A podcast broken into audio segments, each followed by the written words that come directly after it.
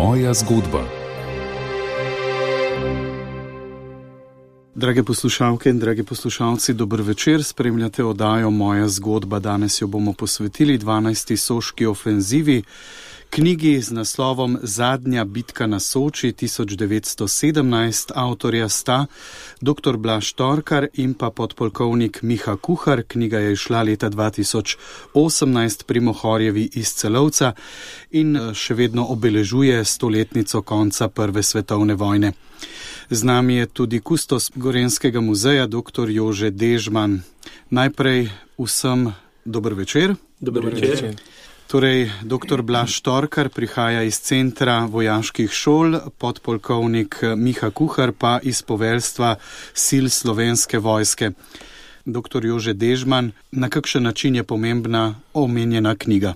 Jaz bi najprej rekel, da je prav, da ker je knjiga išla lansko leto, se pravi ob ravno ob nekako v sklepu ali pa v tej, bi rekel, zaključni spominski ofenzivi slovenski na Prvo svetovno vojno, ki je pravzaprav ogromno spremenila. In vidva sta eh, ta, te dogodke v bistvu spremljala ob nastajanju knjige. Ne se pravi, štiri leta za knjigo, štiri leta stoletnic in mogoče le en vajen vtis, kako je v Sloveniji Prva svetovna vojna skozi te stoletnice. Vstopila v javni spomin, v recimo kulturni prostor, kaj je po vajnih eh, občutjih bilo najbolj impozantno, mogoče prav v zvezi s uh, Soško fronto, ki ste jo najbolj spremljala? Mislim, da je Prva svetovna vojna zelo dobro bila promovirana v slovenskem prostoru v zadnjih štirih letih, uh, preko razstav, preko izdaj knjig. In mislim, da je ta knjiga tudi veliko pripomogla obeležitvi spomina na Prvo svetovno vojno, še posebej pa sva tukaj predstavlja ta vojaški pomen, vidik 12. soške ofenzive, ki je tudi izjemno pomembna za slovenski prostor. Gospod Kuhar. Ja, meni se je zdelo, da se je to zanimanje začelo po letu 91, po osamosvojitvi, z roka sta dva. Prvič odprle so se meje in zahodna meja je bila bolj dosegljiva. Drugič pa tudi zgodovina eh, nekako prve svetovne vojne se je v tem času začelo splošno v slovenskem prostoru večje zanimanje. To nasplošno. Eh, seveda, kar se pa strokovno tiče, jaz kot časnik slovenske vojske, seveda me je to zanimalo iz tega razloga, ker je po mojem mnenju bila to največja bitka v našem prostoru, ne, v zgodovini. In seveda, po mojem mnenju, vsak časnik slovenske vojske mora poznati svojo vojaško zgodovino in uh, ne more iti mimo 12. soške ofenzive in prve svetovne vojne. Tako, no in zdaj, če poudarimo to, kar sta že vidva začela, se pravi, gre za največji vojaški spopad vseh časov v slovenskem prostoru, gre za bitko, ki usodno zlomi uh, soško fronto in vajen vstop v ta prostor je pa tudi preko meja, se pravi, bi, bi vaju prosil, da lepo veste, kje so bili viri, arhivsko gradivo in kakšna je bila miselna tehnologija, ki ste jo uvedla za to gromozansko delo. Treba je le povedati, da po moji oceni primerjave ta knjiga nima v slovenskem prostoru. Jaz verjamem, da bo tudi njen vstop v mednarodni prostor zanimiv. In je grajena na enih univerzalnih principih razumevanja vojaškega spopada in sta pravzaprav do milimetra sledila dogajanju in ga seveda tudi s svojimi ocenami eh, potem razvila v eh, eno študijo, ki prinaša tudi marsikaj noga, ki demetizira, kot napoveduje, ta pa mogoče le nekaj od teh pripravljalnih delih, eh, ki so vaju vodila, da je knjiga taka, kot je. Ja, knjiga je vojaško, strokovno vojaško zgodovinsko delo, to se vidi. Prišla je potreba potem, predvsem ker eh, veliko tujih vojaških delegacij in tudi domačih prihaja k nam, ker eh, pridejo predvsem zaradi 12. soške ofenzive. Tako da mi dva sva predvsem iz potreb vojaških šol to, eh, napisala to knjigo, knjiga pa temelji tako na arhivskih verih, kot tudi na literaturi. Se pravi, arhivski veri, največ nemški arhivski veri, ker je v 12. ofenzivi bilo tudi največ nemških enot na strani centralnih sil, ki so tudi bile v tisti srčiki prodora. In temelji tudi na nekaterih italijanskih arhivskih verjih in na vsej aktualni literaturi, ki je vezana na 12. soško ofenzivo. Torej, knjig o prvi svetovni vojni tudi v slovenskem jeziku je do zdaj izlo že zelo veliko. Mene osebno je začelo zanimati pravzaprav tudi to, ne samo dogajanje, kaj se je dogajalo, ampak me je zanimalo, kako so ti časniki, ki so takrat vodili te operacije, razmišljali, na kakšen način, kako so vodili. In zato sem se lotil tega dela na način, da sem se uh, lotil vseh treh komponent vojskovalne moči, ki so pomembni za vsako vojsko. Torej, koncepte, kar pomeni doktrine, intelektualni del, drugič, moralni del in tretjič, fizični del. Največ se piše o fizičnem delu, to se pravi o sami vojski, o sestavi, o številu topov in tako naprej.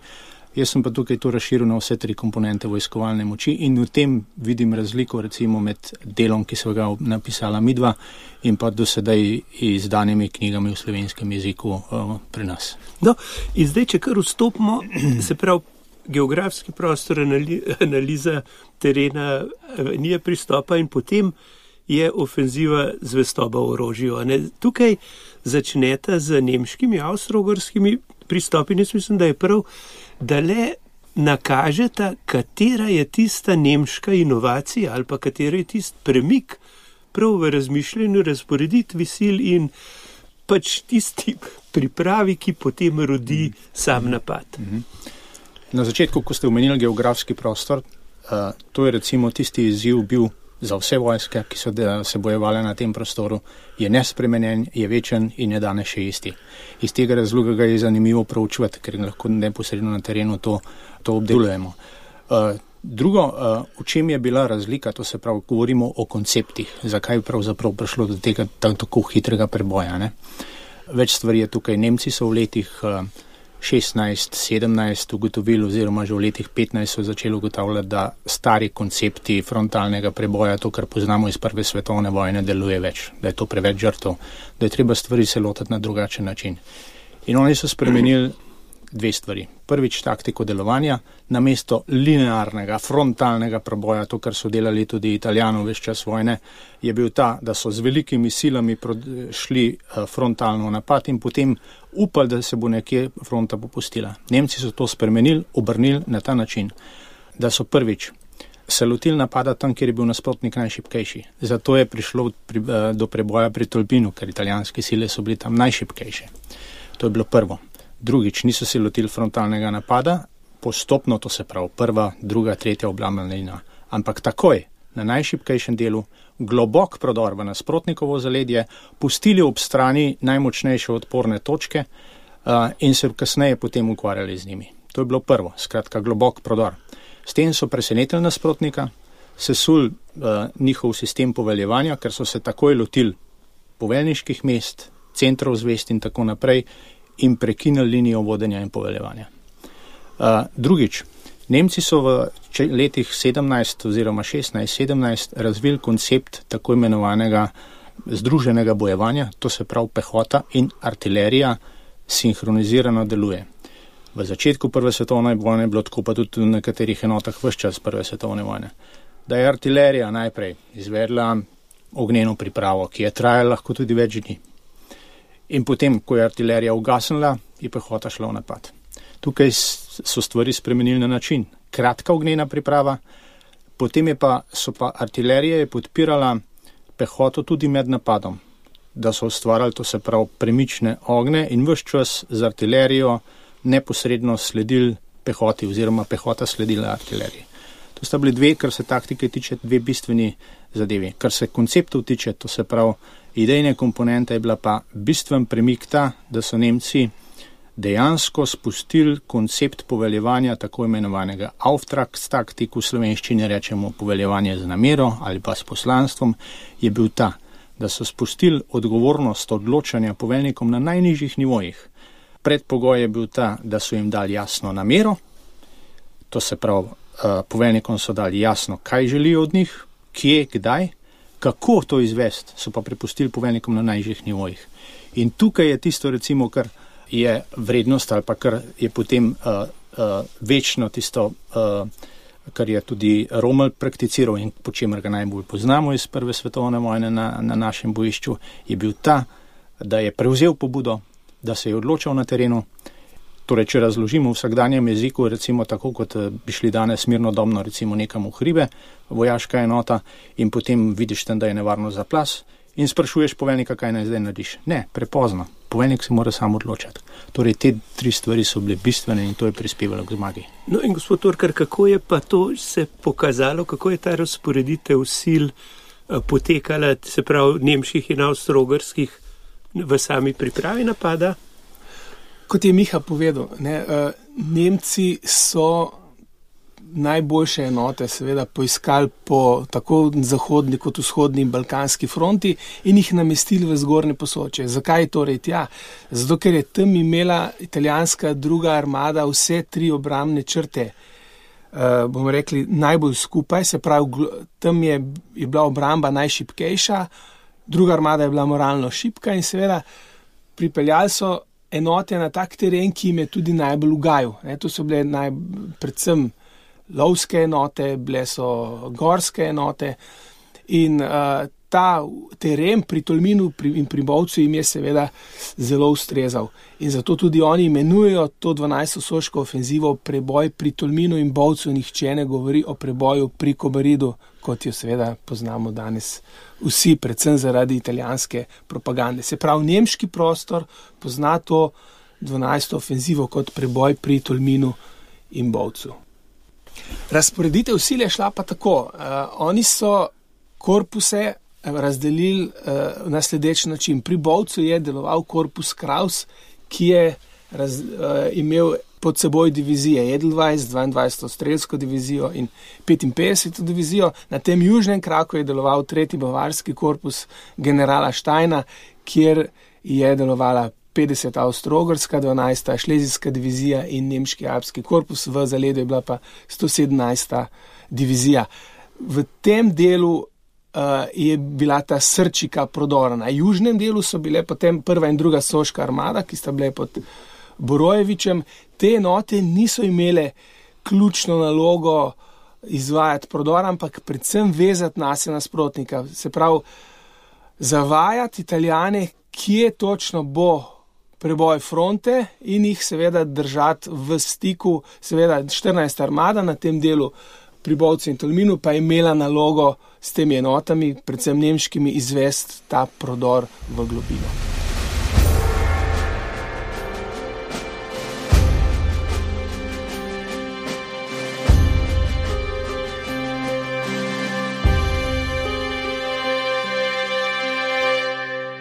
Spremljate vdajo Moja zgodba, danes je posvečena 12. soški ofenzivi, knjigi Mohorjeve iz Celovca, ki je ob stoletnici konca Prve svetovne vojne išla v lanskem letu. Z nami sta avtorja knjige dr. Blaž Torkar iz Centra vojaških šol in pa podpolkovnik Miha Kuhar iz poveljstva sil slovenske vojske.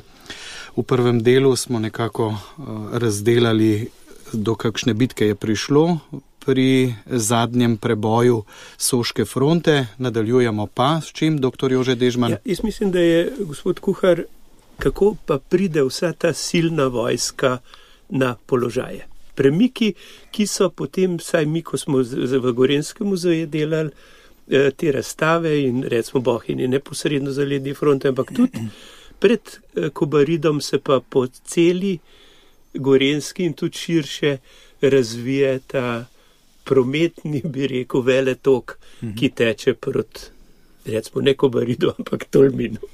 To je tudi po današnjih kriterijih nekaj izjemnega. Ne?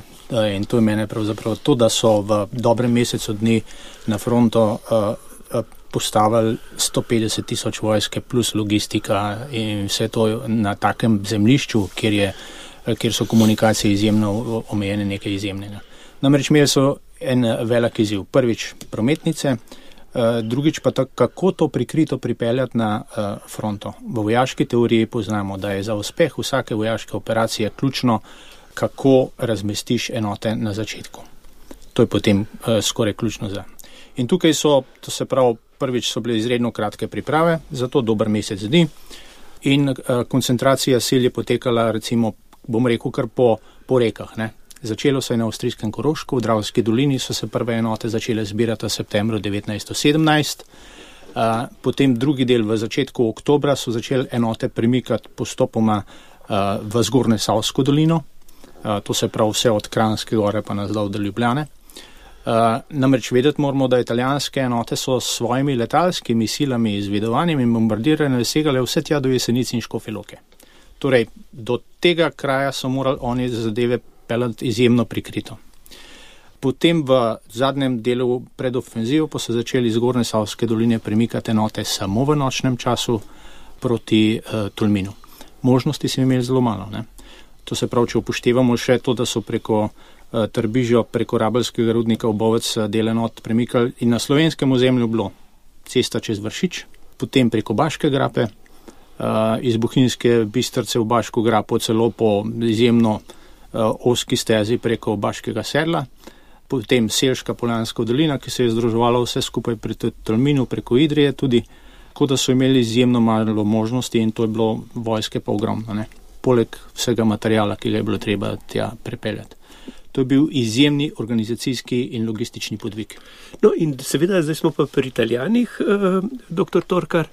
Kako pa je italijanska stran bila in postavljena in v kakšnem stanju, kako, kakšne sile in kakšno, kakšni so bili cilji na italijanski strani?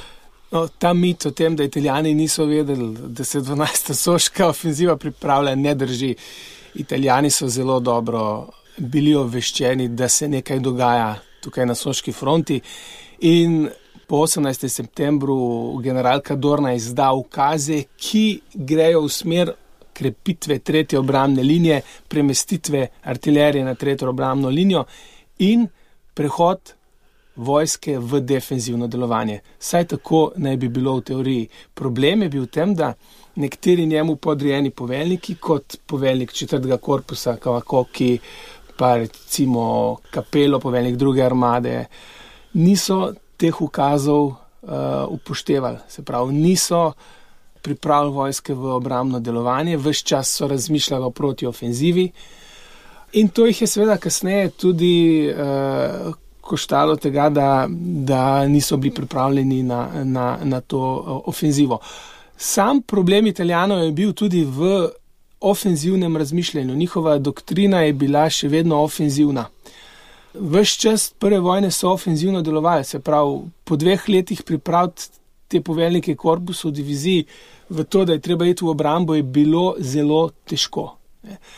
In če, če spremljamo obveščevalne podatke, italijani imajo uh, informacije, da se bo nekje na območju Banšic, Tolmina, Kobarida, Bovca nekaj izvedlo, ampak bolj pričakujejo ta ključni napad nekje na območju Banšic, mogoče iz Tolmina proti uh, reki Idri, se pravi malo južneje, kot je dejansko bila, ampak. Uh, Nekaj dni pred 12. ofenzivo, če spremljamo povelja, so šla v smer, da je treba krepiti obrambo v, na območju Bovca in Tolmina. In če spremljamo te enote, nekatere enote niso prišle na območja, ki bi mogle delovati. Mogoče kar bolj konkretno, kje točke so bile ključne, ki jih, ki jih napad. Predvideva in kaj je tam delala obramba. Naj, pač največji sem... problem je bil uh, med četrtim in, in 27. italijanskim korpusom. Namreč reorganizacija italijanske vojske pred 12. ofenzivo, je bila na nek način nedorečena. Uh, na tej meji med korpusom, ki je bil na hlevniku med 27. in 4. je nastala ena luknja, zato ker se enote niso morale prav dogovoriti, kje bo meja korpusov. Niso vedele enote točno, kje imajo operativno območje delovanja, in takih, zaradi tega je prišlo do teh lukenj v obrambi, ki jih je spretno takrat potem uh, izkoristil nemški alpski korpus, to je naprimer na Hlevniku. Potem imamo enote, ki, ki niso prišle uh, pravočasno uh, v obramne pozicije na območju žage in podobno. Tako da to je bil velik problem italijanske vojske, seveda, da, da tudi enote pravočasno niso prišle na ob, območje, ki bi ga mo morale braniti. Tukaj govorimo o prvi vojaški teoriji o osredotočenju in enotnosti naporov, v čemer je bila velika razlika med italijansko in nemško stranjo. Pri italijanih se vidi, da tukaj ni bilo enotnosti naporov, kar pomeni, da dva najvišja poveljnika nista imela istega cilja. In tukaj je seveda potem prišlo do razpok. In to se je na terenu pokazalo ravno v tem, da druga armada ni šla v obrambo, kot je bilo ukazano v septembru. E, naslednja pa točka osredotočenja. Ne? Osredotočenje pa pomeni, da razmestiš sile tam, kjer jih najbolj potrebuješ. In italijani so točno tam, kjer so Nemci izvedli naj, e, bom rekel, e, najhuj, največji napad, to se pravi iz na območju Tolmin, Kolovrat, Čedat, tam so imeli italijani najšipkejše sile. In tukaj je bila potem nastala razlika, ki je zagotovila Nemcem uspeh. No, ampak zdaj, ko se ofenziva začne, vidva v knjigi izjemno natančno opisujeta naloge, bojne strupe, korpus Kraus, minometi, korpus Štajn, alpski korpus.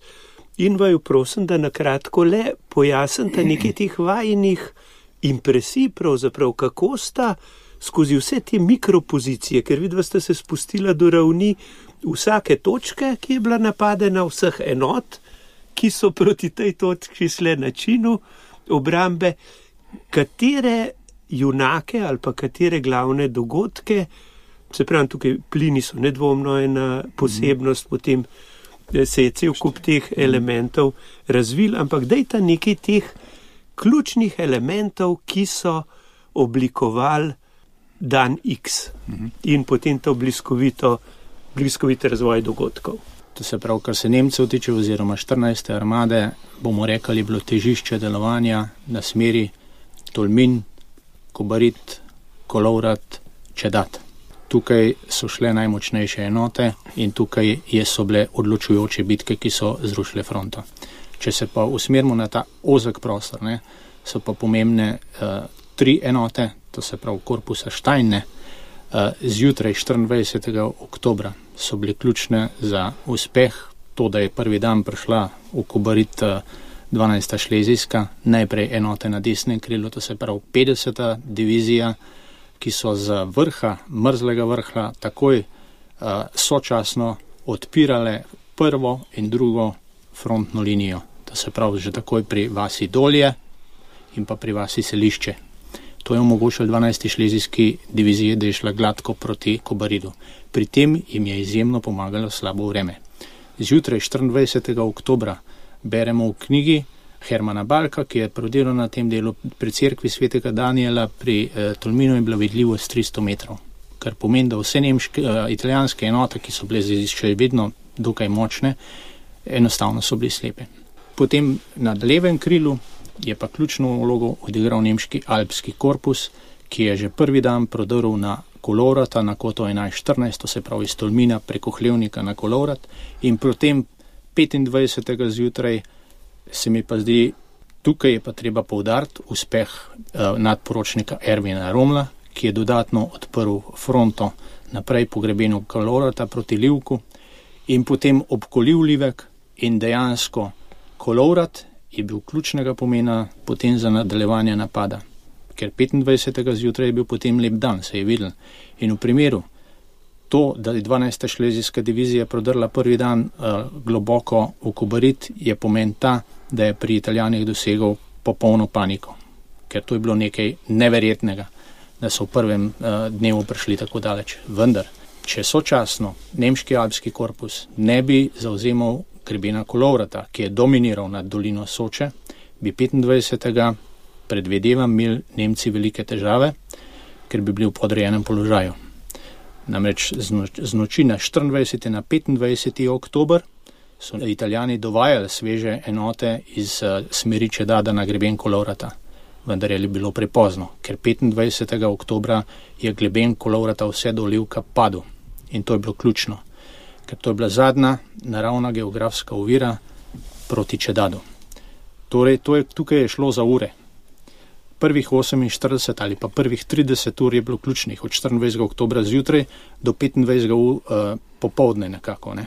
Ker potem Matajur, to kar je recimo nekako se najbolj povdarja, da je Roman zauzel Matajur, končni fazi ni bil, ni bil tako bistvenega pomeda, ker so imeli preko Livka dejansko Nemci že odprt prostor proti Čedadu in bi pač Matej Ur lahko pustili tudi ob strani. Ne?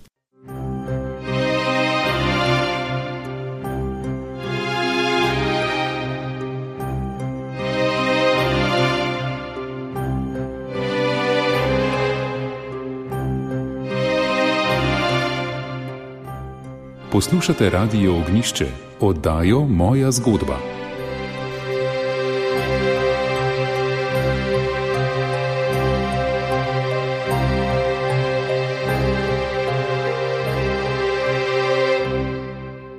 Z vami je oddaja Moja zgodba, govorimo o zadnji bitki na Soči, o njej pa govorita avtorja knjige ki je šla pri celovški Mohorjevi, zadnja bitka na Soči 1917, dr. Blaž Torkar in pa podpolkovnik Miha Kuhar. No, jaz mislim, da je eh, dr. Torkar prav, da lepo udarimo tiste stvari, ki so tehnološko spremljale ta prodor, se pravi artilerija, minometi, strupi.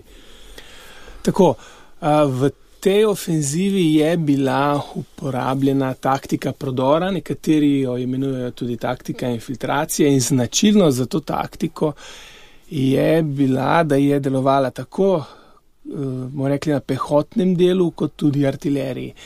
In artilerija je imela tu ključno vlogo, kot je že prej Miha tudi povedal, v tem, da je da se je osredotočila samo na uničevanje komunikacij in poveljniških mest. Tega prej ni bilo. Ne. Se pravi, artilerija, a, ki je seveda imela v določenem procentu tudi a, granate z, z plinom, ne, je imela zaradi tega izjemno pomembno vlogo. Uh, najbolj so bili ti strupi uporabljeni v preboju pri Bovcu, to poznamo pri Bovški zajedi, kjer uh, so uničili celoten bataljon uh, italijanske vojske.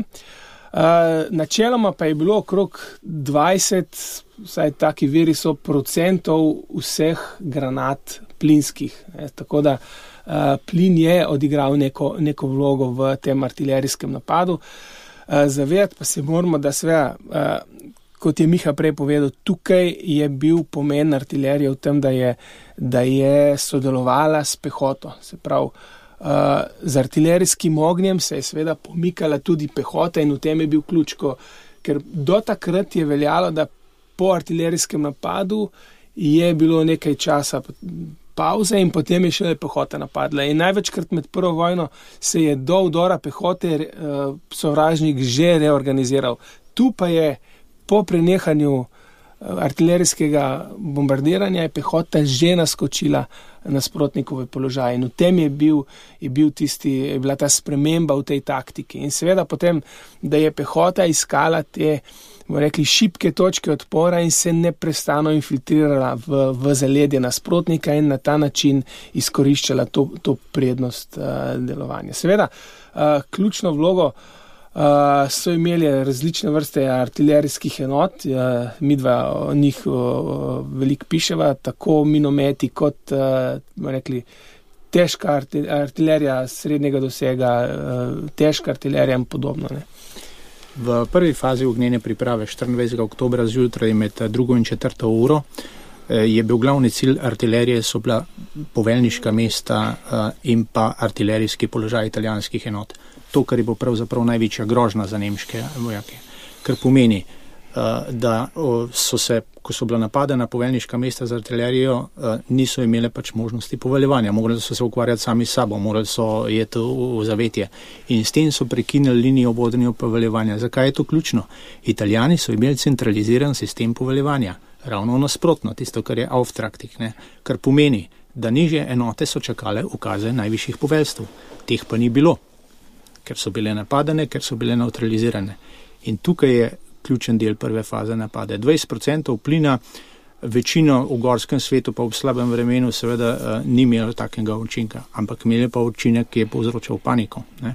Ko so zavohali plin, seveda niso vedeli, kakšna koncentracija bo in so se seveda začeli ukvarjati. In zdaj si predstavljate v življenju vojaka ali pa časnika v tistem času, ne, ko je moral si nadeti masko in potem je bilo seveda se ukvarjal samo še s sabo ena velika sprememba v delovanju enot je bila tudi uvedba puško mitraljeza v PM nič 8 skozi 15 v, bomo rekli, pehotne nemške enote. Namreč uvedba teh mitraljezov je povečala bojno moč in tudi manevrskost enot, se pravi, enota je lahko hitreje delovala, uh, predvsem zaradi tega, ker te mitraljezi so bili pol bolj, bomo rekli, lažji kot tisti klasični mitraljezi, ki so bili do takrat uporabljeni v mitraljeških četah. Tako da te mitraljezi so imeli izjemno pomembno vlogo v pridelovanju nemških enot. No, jaz mislim, da zdaj smo nekako videli, kakšna mašinerija steče in kako približno se dogaja. Sta pa vidva med junaki, jaz mislim, da je prav, da umenta le nekaj teh oficirjev, ki so odločilno vplivali, in pa seveda Ervina Romla, ki je pa prva personalna zveza z drugo svetovno vojno. Ne? Ampak nedvomno je tukaj nastopala ena vojaški, recimo, trust možganski, eh, in vaju prosim, da predstavite nekaj teh ljudi, ki so vam najbolj ostali ali pa ki ste jih valorizirali in va, se vam zdi jih potrebno omeniti. Definitivno eh, omeniti je treba poveljnika 14. armade, to je bil general Otto von Belov in njegovega poveljnika eh, štaba, to je bil Konrad Kraft von del Menzingen, ki je bil tudi eden teh idejnih vodij tega prodora. Pomembno vlogo je odigral tudi general Kraus, avstrijski general, ki je prebijal fronto pri Bovcu. On je bil tudi idejni vodja tega, bomo rekli, dolinskega prodora 12. šlezijske divizije. Potem imamo pa tudi te, bomo rekli, poveljnike nižjih enot, ki so odigrali pomembno vlogo, od Ervina Romla do Hermana Balka, mogoče bo Miha še mm -hmm. koga poudaril. Ja, uh... Jaz sem tudi v knjigi to povdaril, ne, da eh, ob bok uh, Erwin Romno bi vsekakor postavil Hermana Balka, ki je eh, izven vojaških krogov dokaj malo znan. To je bil časnik, ki je v drugi svetovni vojni igral pomembno vlogo v uh, bojih proti Rusom. Ne. In na podlagi njegovih konceptov so mimo grede ne, američani izdelali doktrino v 80-ih letih 20. stoletja, ki v osnovi velja še danes. Kaj hočem reči, ne, to se pravi, to je bila kar lepa skupina mladih časnikov, generacija poročnik, nadporočnik, stotnik, ki so v drugi svetovni vojni potem bili eh, kar v veliki meri nekateri generali, ki so sledili novim konceptom. To se pravi, 12. Eh, soška ofenziva nikakor ne moramo govoriti, recimo to, kar se v lajčnih krogih eh, včasih poudarja, da je bil Erwin Rommel tisti, ki je prodrl. Ne. On je bil takrat nadporočnik in seveda to je nižji časniški čin.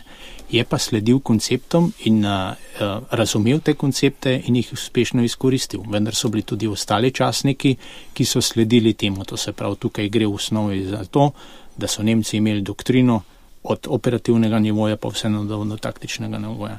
No, potem je recimo uh, mogoče poudariti uh, treba uh, časnika, uh, ki je na 11.14 prodrl na kolovratu, to je bil Ferdinand Schirner, ne?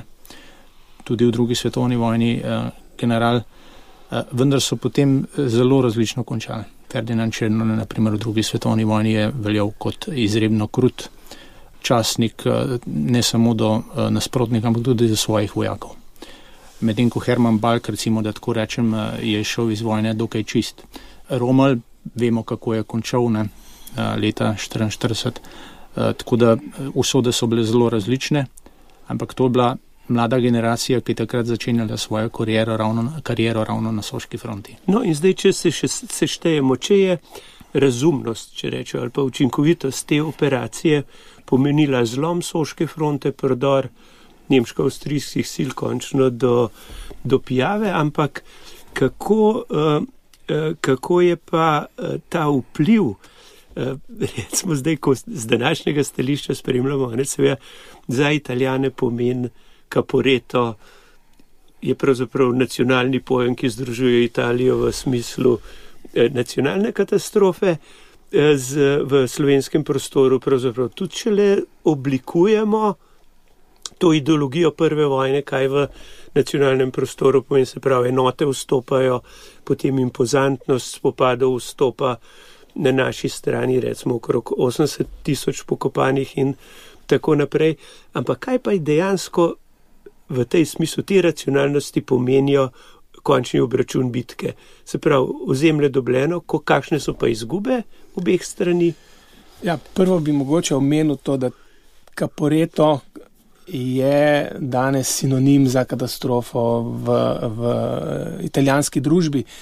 In eh, kot sem omenil, 12. soška ofenziva strani centralnih sil se je imenovala kot preboj pri Tolminu in Bovcu. Zakaj torej Caporeto? Caporeto je bil prvi italijanski kraj na italijanski strani, ki so ga centralne sile zauzele in, in seveda italijani so ta veliki poraz, uh, seveda potem oni krivci, da se je razširil po celotni svetovni historiografiji, da vsi poznajo to 12. ofenzivo kot Kaporeto. Čeprav dejansko batalje, bitke pri Kaporetu ni bilo, te bitke ni bilo. Ne. Z tega, bomo rekli, strateškega vidika je ta ofenziva pomenila konec soške fronte pri nas in premik na, na reko Pijavo. Uh, za italijane, seveda, oni na, na to 12. ofenzivo ne gledajo kot da se je zaključila s kaporetom. Oni to gledajo širše. Če boste gledali, oni razne simpozije poimenujejo od kaporeta do Vitorija Veneta. Tudi v italijanski družbi se je po, po vojni zahtevalo, da se kaporeto predstavlja skupaj z Vitorijo Veneto, da se je ublažilo ta veliki poraz, s tem bomo rekli za njih, predvsem velikim uspehom, ki se je potem zgodil 4. Uh, novembra uh, leta 1918. Izgube, če jih primerjamo s prejšnjimi soškimi ofenzivami v 12. niso bile tako velike. Najbolj krvava je bila 11. soška ofenziva, tako da mislim, da govorimo o tem od 10 do 15 tisoč na, na obeh straneh žrtev, pri italijanih okrog 30 tisoč uh, ranjenih. Uh, tako da te številke se prav kažejo na to, da, da ni bil namen centralnih sil, predvsem, da so velike žrtve, ampak predvsem, da je ta pomen, predvsem premik frontne črte, razpad italijanske vojske. To je bil seveda glavni namen uh, ta, centralnih sil. Mm -hmm. Tukaj se mi zdi, da se je zgodil bistveni premik. 12. soška ofenziva ne velja kot spopad klanja in ubijanja uh, v najbolj grozljivi uh, varianti. Ampak Nemci so imeli že v načrtu napada oziroma 14. armada koncept, da skušajo neutralizirati nasprotnika, ne pa uničiti. In posledica tega je to, da se je kar nekaj italijanskih brigad že v prvem dnevu, v drugem dnevu predalo se pravi, tudi na tak način sodelovali, dosež, skušati doseči presenečenje pri nasprotniku in ga prisiliti kudaj. Ne? In uh, ni šlo tukaj za to, da uh, cilj, da bi bilo to ubijanje in pa uničenje nasprotnika, ampak neutralizacija in iz tega razloga uh, ni bilo toliko mrtvih. Ne?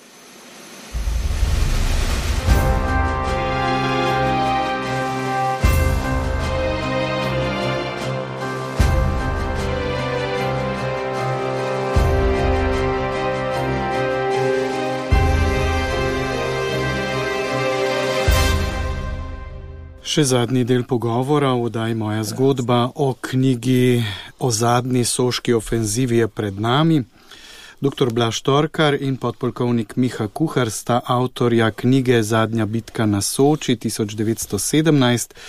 Zdaj smo pravzaprav že prišli do konca bitke. Me pa vseeno zanima, tako osebno me zanima podpolkovnik Miha Kuhar. Nemci oziroma centralne sile vendarle zmagajo prebijajo fronto, potisnejo italijane do pijave, potem pa razpadejo, države se podrejo in italijani, kot smo slišali eh, dr. Blaža Torkarja, eh, vse skupaj povezujejo tudi zmago. Na kakšen način, zakaj, kako? Ja, to, kar smo se do sedaj pogovarjali, smo se pogovarjali na taktičnem nivoju, na operativnem nivoju. Usporedno so se dogajale zadeve tudi na strateškem nivoju, kjer je pa pomembno tudi ekonomija oziroma država, politika in tako naprej. Vemo, kaj se je dogajalo. Sočasno uh, za Avstro-Ogarsko, Avstro-Ogarska je dejansko razpadala uh, in uh, Nemci so posodili svoje enote, da tako rečem, ne v narekovajih, uh, samo za preboj. To se pravi, eh, prišli so do reke Pjave, bili tam do de, nekako do decembra 1917, potem so te nemške enote, ki so igrale eno ključnih vlog, odšle. Seveda, potem je prišla zima. Avstralska je imela, se je soočala s tem, da je imela neprimerno daljšo logistično podporo. Tukaj so bile ogromne izzivi. Ne. To ni bilo samo več podpora do Soške fronte, ampak do reke Pjave. Ne. In vse sočasno je Avstralska razpadala, ne. enote so razpadale, bom rekel tudi sama država. In to je bil potem vzrok oziroma Eh, to, da se je potem v letu 1918 eh, zgodil, kar se pač je zgodil. Na drugi strani so zavezniki italijanom, recimo francozi so priskočili na pomoč, ne? britanci so priskočili na pomoč, tako da se v letu 18 potem stvari so se precej obrnile in da, eh, ta situacija tako na strateškem kot kasneje na operativnem in taktičnem se je bistveno spremenila od leta od oktobra 1917. Tako, mislim pa, da je prav, da sklenemo pogovor preprosto s to zgodovino, ki trka na vrata. Ne? Ker kaporeto so pravzaprav z gradno te impozantne kostnice, Mussolinivim obiskom so povzdignili dejansko italijani. Ne? In oni so s tem kultom mrtvih v oslavju, s temi velikimi grobnicami, spomeniki in gor in dol poskušali te žrtve osmisliti. Ne pa, da so zato, da, da mi dobimo zemljo, ampak tudi danes je pravzaprav to, kar ste rekli, odpiranje meja. Je zdaj vajna knjiga je odpiranje spet enih pogledov, ki sežejo do danes. Če američani leta 80 potegnejo nekaj pravzaprav iz kobariškega junaka, če je Romal, eh, skratka cela vrsta junakov, ki se potegnejo v drugo vojno in vprašanj, ki se vlečejo do danes. Prav gotovo je ta nelagoden odnos z italijani, prav gotovo je ta spraševanje srednjega evropskega prostora o tem, kaj, resmo, kaj so mađari delali na fronti, kaj so delali bosanci, kaj so pokončne naše enote delale. To vse se v tej knjigi pravzaprav odziva. Vidva sta tista, ki sta zdaj osebna izkaznica slovenske vojske in slovenske znanosti, da odgovarjata na ena na vprašanja, kako vidite ta vajno vlogo, recimo v, tej, v tem dialogu o bitki pri Tolminu. Ja, če boste gledali, kaj se je zadnja leta v prvi vojni največ objavlja, izdaja in podobno. Največ so to osebne zgodbe vojakov, največ je življenje v zaledju, največ so vem, ženske na frontah in ja. podobno. Se pravi, tle pa govorimo dejansko o vojaških operacijah, o taktiki, o tistih trdi vojaški zgodovini, ki mnogo ljudem ni pri srcu, ampak to je krojilo usodo vsega tistega, kar sem prej govoril. In zato je pomembno. In tudi slovenci imamo pravico pisati take knjige, čeprav smo bili mala figura v tem prvi svetovni vojni. In mislim, da v tem je velik pomen te knjige. Ta knjiga je vojaško strokovna, vojaško zgodovinska knjiga, ki nam poda dejansko stanje, kako so enote prijemale ukaze, prihajale na fronto, kakšna je bila oborožitev, kakšna je bila taktika, kakšno je bilo poveljevanje, razmišljanje vojske. Ne? In če bomo gledali, kakšna je aktualnost te knjige in te 12. ofenzive danes.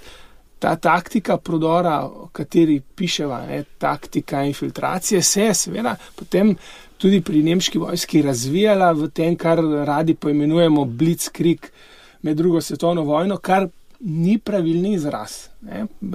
Nemška doktrina nikdar ni govorila o Blitzkriegu, govorila je o hitrem manevrskem vojskovanju, ki ima zasnovo že v 12. soški ofenzivi, ampak to med prvo vojno ni bil Blitzkrieg, ker Blitzkrieg zajema še komponento aviacije in tudi oklepnih enot, ki jih med prvo svetovno vojno tukaj v 12. ofenzivi ni bilo. Ampak, gospod, mednarodna javnost se zanima za to, tudi vojaški. Slovenija ima tukaj eno dragoceno priložnost uveljavljanja ene lastne, recimo, zakladnice prostora in tudi razvoja raziskav. Tako je. V minulih 15 letih smo oba imela kar veliko izkušenj z eh, tujimi, tako strokovno v javnosti, govorim vojaško veliko je bilo obiskov, tako iz Amerike, Nemčije, Avstrije in tako naprej. Tako da tukaj imamo seveda kaj zapovedati. En ameriški časnik visok Ameriko je rekel, vi imate izjemno priložnost, ko imate nekaj, kar imate doma eh, in kar lahko razložite, to, kar se je dogajalo pri vas. Poleg tega smo bili mi tudi del te zgodovine. Ne na zadnje so se slovenski možje in fantje borili na tej fronti. Kar bi pa rekel o tem poudaru, ne bi pa rekel to, da največji potencial vsakega časnika slovenske vojske je njegova intelektualna moč. Intelektualno moč pa črtamo tudi iz znanja. Uh, kar se vojaškega dela tiče, je vojaška zgodovina izjemnega pomena. Jaz sem pripričan, da vsak, kdo želi razumeti današnjo Evropo in pa to, kar lahko predvidimo, kaj se bo dogajalo v prihodnje, mora poznati detaljno zgodovino, vsaj od začetka Prve svetovne vojne naprej, vse do danes. Ker vse to, kar se je dogajalo takrat, pa v drugo svetovne vojne, pa potem, kar so bile krize naprej in pa v 90-ih, hladna vojna, 90-ta leta, vojne na Balkanu in tako naprej. Vse to je pravzaprav odraz nečesa, kar se je zgodilo že v preteklosti. Nič se ne zgodi na ključno in nič se ne zgodi z danes na jutri. Zato vojaško zgodovino jemljemo kot nekaj resnega eh, in zato sem izjemno hvaležen tudi dr. Torkarju, ki mi je bil pravzaprav neke vrste mentor, da me je usmerjal pri tej knjigi, da sem lažje razumel in da lažje razumem tudi danes, ker časniki, kot smo na nivoju, recimo podpolkovnik, polkovnik, ko se moraš potem odločati, je pomembno, da imaš neko ozadje za seboj, da potem to lažje storiš. Mogoče, ker je knjiga išla pri Mohorjevi iz celovca, to že pomeni, da bo doživela poleg slovenske izdaje tudi nemško, vsaj nemško. To še ni, uh, ne morem še trditi, da bo doživela res uh, nemško izdajo. Delamo na tem, samo to lahko rečem in upam, da bomo realizirali naslednje leto izdajo v nemškem jeziku, ker je interes tudi nemške strokovne javnosti, da bi se ta knjiga prevedla. Namreč tematika je vezana prav na njihova imena, tako, na njihove ljudi tako, in tako naprej. Tako. Uh -huh. uh, še to me zanima, če govorimo zdaj o knjigi kot knjigi. Uh, je to učbenik vojaški, je to vem, priročnik, ki ga lahko daš tistim, ki študirajo vojaško zgodovino, ali bodo tudi tisti, ki se sprašujejo o prvi svetovni vojni, lahko v tej knjigi našli kaj zase.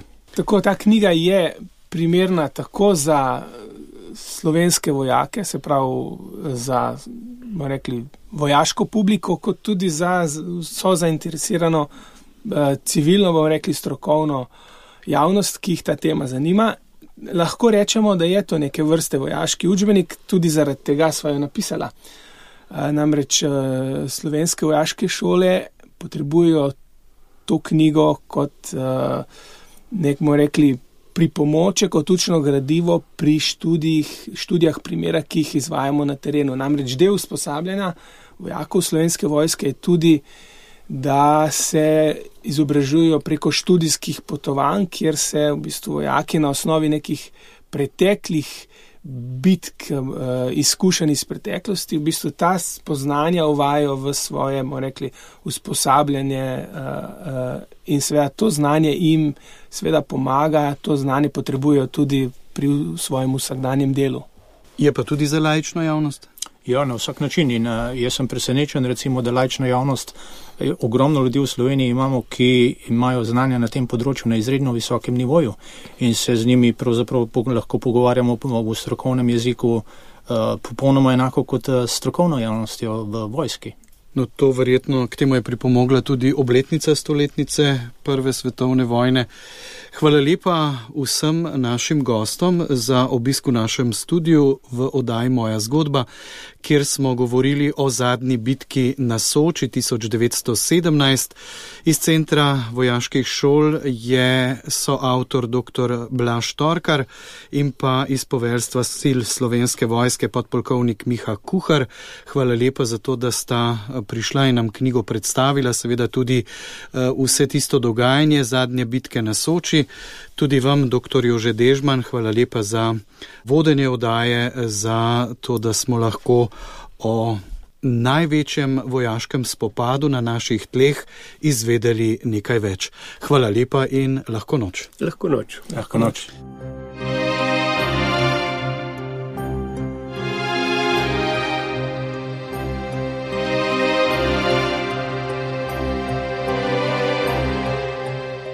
Moja zgodba.